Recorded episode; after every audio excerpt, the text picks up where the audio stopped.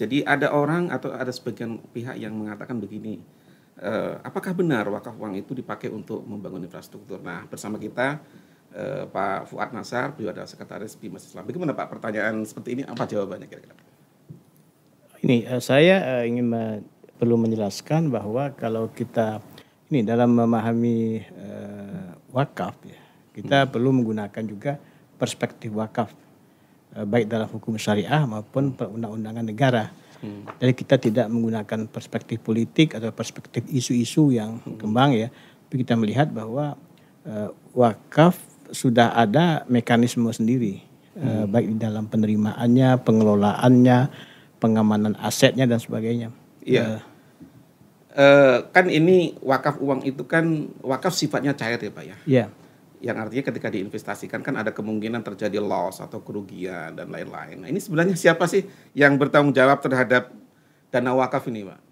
Uh, gini, uh, di dalam konteks wakaf uang uh, ada uh, pilar kenaziran Ya, inilah yang bertanggung jawab di dalam memelihara, dalam mengelola, dalam melaporkan dan mempertanggungjawabkan pengelolaan wakaf uang itu dan hmm. memastikan manfaatnya itu uh, diterima oleh masyarakat yang membutuhkan. Nah, kita perlu membedakan antara wakaf uang dengan cash wakaf link suku. Ini kadang-kadang hmm. uh, publik uh, kurang ya memahami dan bisa membedakan. Kalau wakaf uang uh, itu uh, dana yang diwakafkan oleh masyarakat yang di store ke rekening nazir mm -hmm yang dibuka di lembaga keuangan syariah penerima wakaf uang. Dan sistemnya sudah terukur pak ya, sudah ada semuanya. Ya. Jadi nggak perlu khawatir masyarakat oh, untuk oh, invest. Tidak, tidak perlu, hmm. uh, karena di dalam uh, peraturan-peraturan perundang-undangan, baik undang-undang, peraturan pemerintah maupun peraturan Menteri Agama hmm. yang mengatur tentang pengelolaan wakaf uang maupun juga peraturan Badan Wakaf Indonesia sudah menetapkan Eh, aspek-aspek yang berkaitan dengan uh, penerimaannya, pengelolaan dan pelaporannya.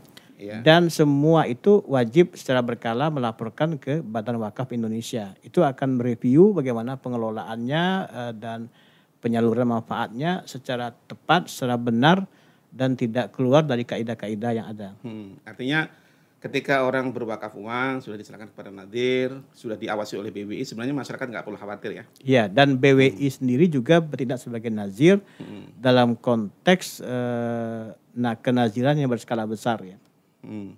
Nah, Pak Fuad, ini ada asumsi bahwa setelah peluncuran wakaf uang beberapa waktu yang lalu oleh Presiden Jokowi itu ada asumsi bahwa seakan-akan wakaf uang ini akan dikelola negara gitu ya. Sebenarnya gimana sih benar nggak ini Pak? Oh ya tidak uh, di dalam uh, sistem perundang-undangan wakaf di Indonesia hanya dikenal tiga kategori nazir.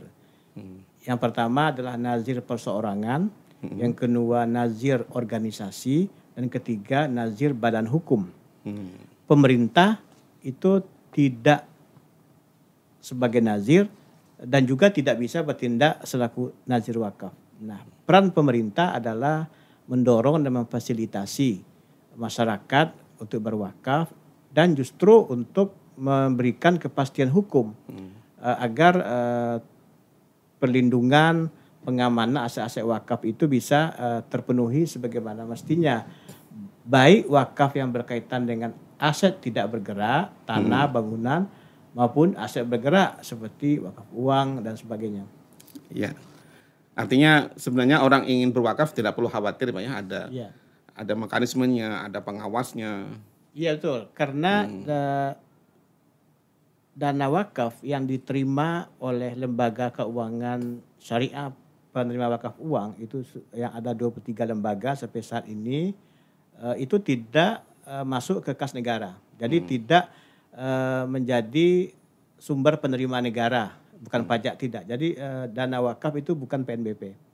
Kendati hmm dana wakaf itu khususnya yang uh, di dalam skema cash wakaf link suku itu mm-hmm. uh, diinvestasikan uh, ke dalam bentuk surat berharga syariah negara ya atau dikenal sebagai suku wakaf itu pun juga dalam uh, kriteria yang sesuai dengan ketentuan syariah. Jadi uh, tidak otomatis itu akan masuk uh, ke dalam pembiayaan pembangunan, apalagi isu-isu yang berkembang untuk pembangunan infrastruktur dan sebagainya.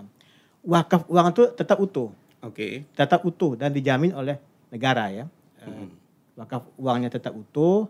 Nah, untuk menghasilkan nilai manfaat kepada masyarakat, kan dana wakaf itu kan tidak hanya uh, mengendap sebagai uh, dana yang idle ya. Itu kan -hmm. harus diinvestasikan ke sektor produktif. Di, dikelola Pak ya? Ya harus dikelola. Hmm. Nah itu sudah ada skema-skema di dalam uh, pengembangan uh, wakaf uang itu uh, di antaranya adalah dalam skema suku wakaf, dalam hmm. skema dan dan sebagainya tentu uh, di dalam skema-skema investasi yang syar'i ya, yang menguntungkan, yang aman uh, dan dan rendah risiko ya.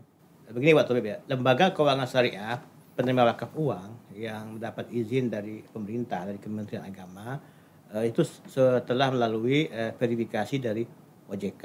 Oke. Okay. Dari verifikasi dari OJK ini yang menjadi perhatian kita ya dari semua sehingga uh, ketika kalau kita melihat ya dari sisi kemanfaatan dan juga dari sisi risiko-risiko yang ber, uh, hmm. yang berkaitan dengan wakaf uang ini uh, juga selalu ya menjadi perhatian dan aspek, dan aspek pengawasan ini juga hmm. penting sekali hmm. karena kita melihat bahwa uh, berkaitan dengan pengelolaan wakaf uang ini tentu tidak semata-mata uh, memperhatikan kemanfaatan-kemanfaatan dan juga risiko-risiko yang ada dari hmm. nazir dan sebagainya tapi juga uh, dilihat dari aspek keterkaitan pengelolaan dana wakafnya itu sendiri uh, karena apa ketika uh, nazir wakaf ya, ketika mm-hmm. nazir wakaf kepada LKS PWU di dalam mengelola dan melaporkan kepada pemerintah, uh, tentu tidak semata-mata dilihat dari sisi cash flow-nya, berapa mm-hmm. penerimaan, berapa keuntungan, tetapi juga dibandingkan dengan nilai asalnya seperti apa. Yeah. Uh, dan otomatis lembaga keuangan syariah yang mendapat uh, persetujuan dari OJK atas permintaan dari Badan Wakaf Indonesia untuk mengelola wakaf uang ya sebagai mitra nazi itu juga dilihat dari sisi track record sebagai lembaga perbankan. Jadi kalau sebuah bank syariah eh, kinerja uh, keuangannya uh, itu kurang bagus, tentu OJK tidak akan memberikan persetujuan untuk ditetapkan sebagai lembaga keuangan syariah penerima wakaf uang ya.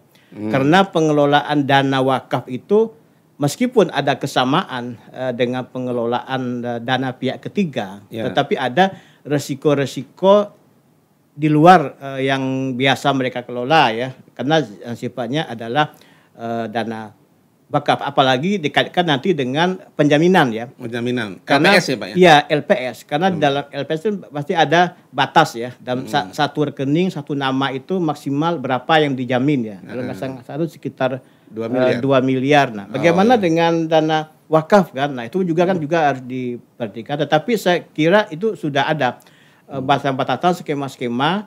Oleh karena itu, biasanya lembaga keuangan syariah itu bekerja sama tidak hanya dengan satu nazir, tapi yeah. jangan banyak nazir. Misalkan hmm. Bank X kan, dia bermitra dengan sejumlah nazir sehingga hmm. dana wakaf uang itu tidak menumpuk di satu rekening. Satu rekening. Akan banyak akan tersebar ya Pak rekening. Ini juga salah satu mekanisme di dalam pengamanan ketika ter terjadi hal-hal yang tidak diinginkan. Pak Fuad kan ya. sebenarnya masyarakat itu ada kekhawatiran ketika wakaf uang itu diinvestasikan di beberapa sektor ekonomi itu kan kekhawatiran nanti terjadi loss atau kerugian. Nah ini mungkin perlu digarisbawahi sesuai dengan undang-undang bahwa yang dibolehkan untuk investasi itu kan di investasi di LKS atau di uh, instrumen ekonomi ya. syariah gitu Pak ya kalau nggak ya. salah ya di dalam Undang-Undang eh, Nomor 41 tahun 2004 ya. ya.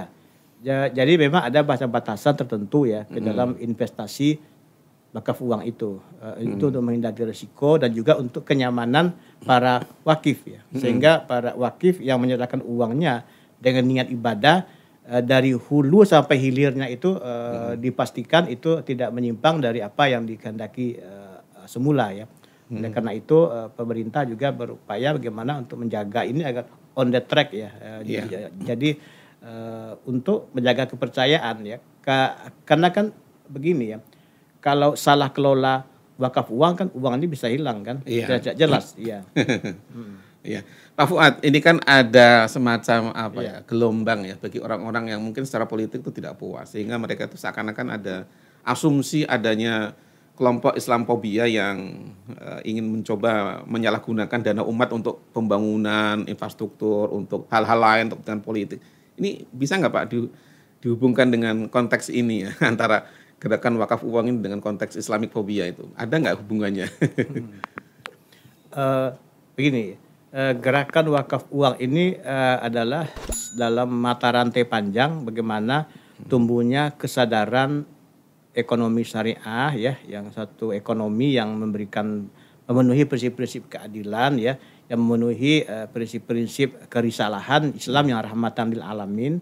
Eh, itu eh, justru wakaf ini sangat bermanfaat sekali untuk eh, ke pembangunan umat, kesejahteraan bangsa dan sebagainya. Eh, se- itu dikelola dengan sebaik-baiknya dengan kaidah-kaidah yang ada oleh lembaga-lembaga yang kredibel eh, dan itu semua harus eh, transparan. Ini yang dilakukan. Bahkan Kementerian Agama sendiri eh, sudah menyusun standar kompetensi kerja nasional Indonesia untuk nazir wakaf SKKNI. Oh, Jadi iya. ber- berbarengan se- se- sejak tahun 2020 ya ki- kita susun SKKNI untuk amil zakat, SKKNI untuk nazir wakaf. Itu salah satu upaya pemerintah eh, untuk eh, meningkatkan tata kelola wakaf itu dengan sebaik-baiknya sehingga tidak sembarang orang untuk bisa eh, mengajukan sebagai nazir, Nazir, kan. Nazir ya. itu Nazir ada wakaf standar ya. kompetensi kerjanya.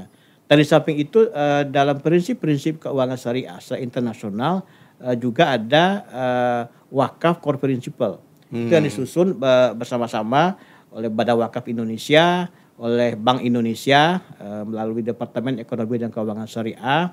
Itu prinsip-prinsip utama dalam pengelolaan wakaf termasuk wakaf uang tentunya ya eh, untuk bisa dipenuhi oleh para pengelolanya. Itu menekankan aspek transparansi, aspek good governance dalam pengelolaan eh, dana wakaf itu, aspek pemastian kemanfaatannya eh, dan tidak kalah pentingnya adalah aspek-aspek yang berkaitan dengan moralitas ya para Hmm, pengelolanya, ya integritas eh, se- eh, sehingga tidak eh, menyentuh hal-hal yang eh, bisa merusak reputasi pengelolaan wakaf. ya. Jadi idealnya orang yang mengelola wakaf uang adalah orang yang sudah selesai dengan dirinya ya Pak Fuad. Ya betul. Iya. Oh iya. Oleh karena itu dan dan dan, dan eh, jangan ke kita lupa bahwa nazir wakaf uang itu semuanya harus terdaftar di Badan, Badan Wakaf, Wakaf Indonesia. Indonesia, Nah, Jadi eh, beda dengan nazir wakaf aset eh, tetap. Hmm. Kalau Pak Tobib mau berwakaf tanah, Pak Tobib mencari nazir, Nazir. yang Pak Tobib percaya. Oke. Ada orang di tempat Tobib percaya datang ke KUA. Jadikan nazir eh, boleh. Ini nazir boleh, tapi Nah, kalau wakaf wakaf uang kan tidak. Tidak boleh. Jadi nazir wakaf uang itu harus terdaftar di Badan Wakaf Indonesia dan tentu BWI tidak sebelum eh, memberikan suatu pengesahan terhadap kenaziran juga sudah melakukan verifikasi baik per- verifikasi secara administrasi, verifikasi secara faktual dan verifikasi dari sisi kompetensi dan kemampuan dalam mengelola wakaf uang. Baik Pak Fuad, nanti Iya. kita akan lanjutkan kembali Iya. untuk yang berikutnya ya. Iya. Pemirsa, to the point kita akan lanjutkan untuk yang